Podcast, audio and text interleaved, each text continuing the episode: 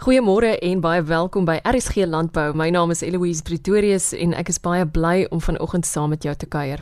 Vandag gesels ons verder oor die navorsing wat gedoen word by die Outeniqua Navorsingsplaas net buite George wat spesifiek betrekking het op melkboerdery en verbeterde veiding vir beeste.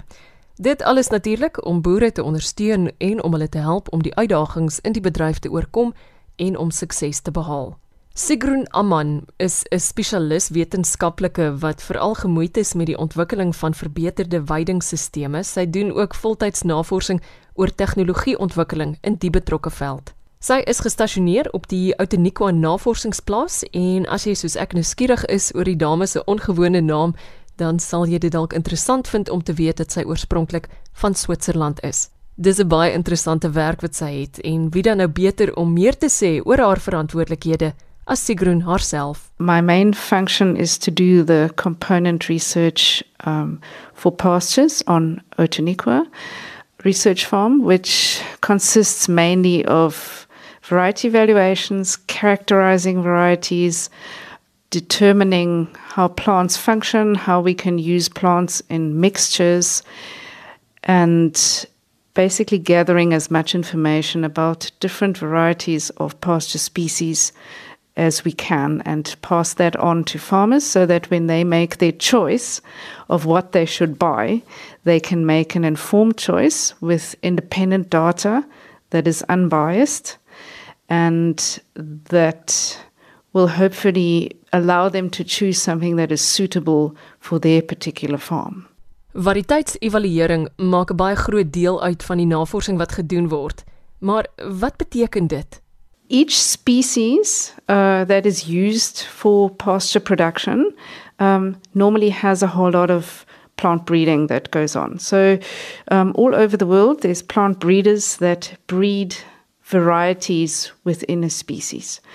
Then it is our job to evaluate them. So, we basically evaluate the genetic potential of that variety. So, for a given climate, for a given soil, for a given irrigation regime, for a given fertilizer regime, we can determine what is the genetic potential of that variety.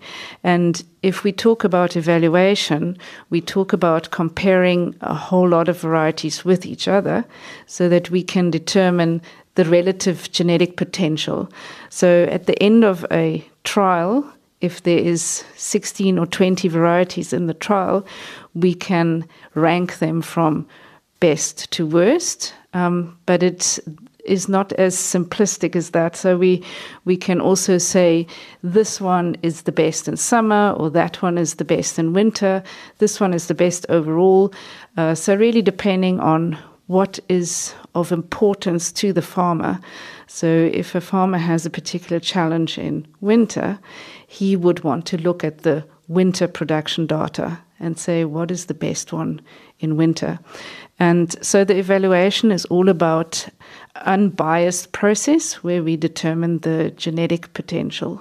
Ek wil graag weet hoe die man op straat in ons land deur hierdie tipe navorsing bevoordeel word. So it's all about having a sustainable pasture system and having a system that is also economically viable. So if you graze your you need to graze your cows on pasture, you would want to make sure that they can graze most of the year on the pasture and you don't have to buy in feed. So the less feed you have to buy in, the cheaper the milk will be to produce. So ultimately that means that we can produce well as efficiently as and cheaply as possible. So the idea is that to do that, you need to make certain choices of what you're going to plant, and the combination that you eventually choose must be such that you can hopefully produce pasture for the entire year for your cows and in as much quantity as possible and quality as well. So, all those factors together would help you to produce cheaper milk. and that is ultimately what it would amount to. Sy sê ook daar's heelwat nuwe planttegnieke wat deur veiding tegnoloë ingespan word in ons land. So forage herbs are fairly new to our intensive irrigated pastures And if we talk about forage herbs, we mean forage chicory and narrow leaved plantain. And these two species have added a completely new dimension to our pasture systems in that they have a massive yield potential compared to grasses. So if we compare plantain, for instance, to perennial ryegrass, in the same 20 month period, the perennial ryegrass may produce 20 to 21 tons dry matter, and the plantain will produce 40 to 42 tons, so double the yield. So these forage herbs firstly give us a yield um, advantage that we haven't had before. They also have a very high forage quality, so they're high in carbohydrates, they're high in minerals, and in addition, they produce forage at a time of the year when grasses tend to have a very low forage quality. So that would be mainly summer and going into autumn. So at that stage, the grasses, their forage quality would be going down.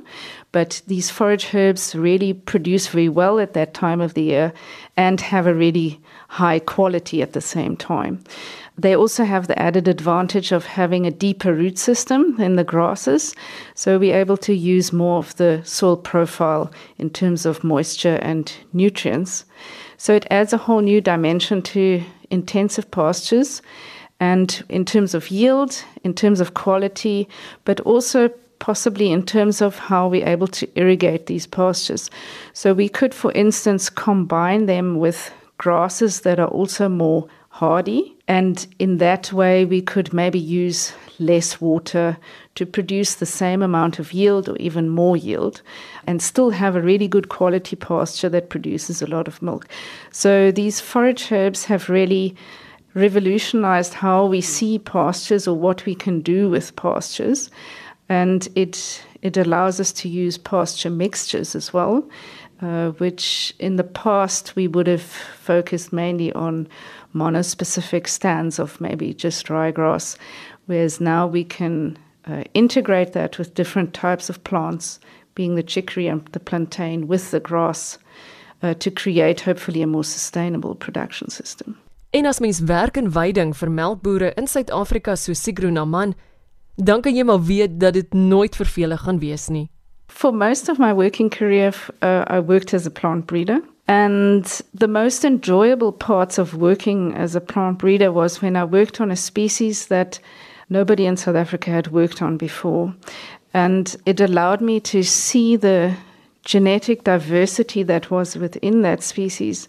The interesting thing was, I was sent 360 different samples of the same species.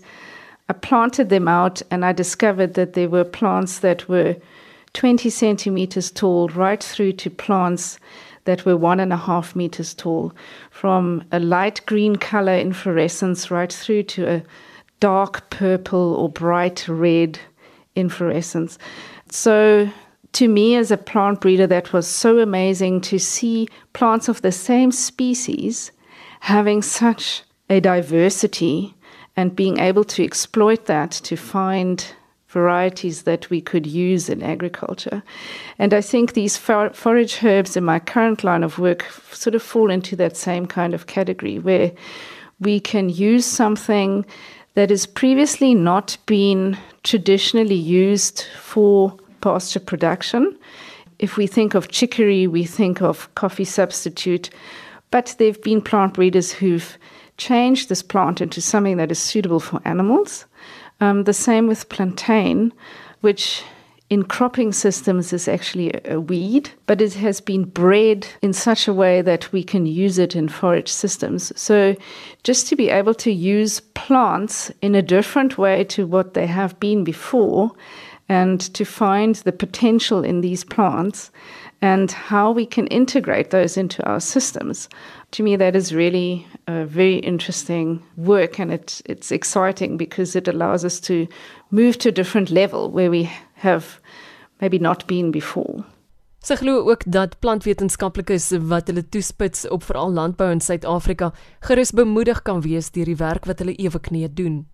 I think we should because we have a lot of diversity within our country in terms of climate, in terms of soil, in terms of production systems. It allows us to grow a great diversity of, of crops, but we also have a lot of challenges. So, climate change obviously being one of them, and various other challenges. So, for us in research, it means that there's still a lot for us to do, and we can constantly seek to find new answers or better ways of of growing things, of growing grasses for our cows to graze, um, more sustainable systems.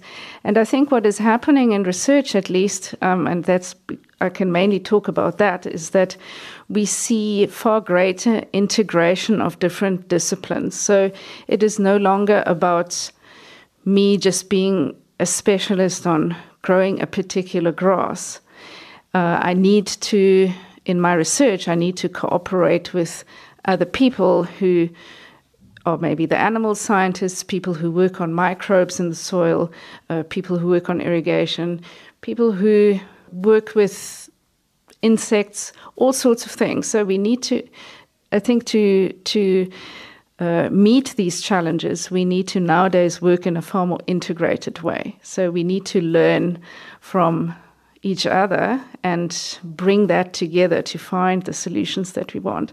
And I think what what I've also learned over the years is that wherever you can learn even from a very different discipline and integrate that knowledge in some way into your own, that is where you really find advancement.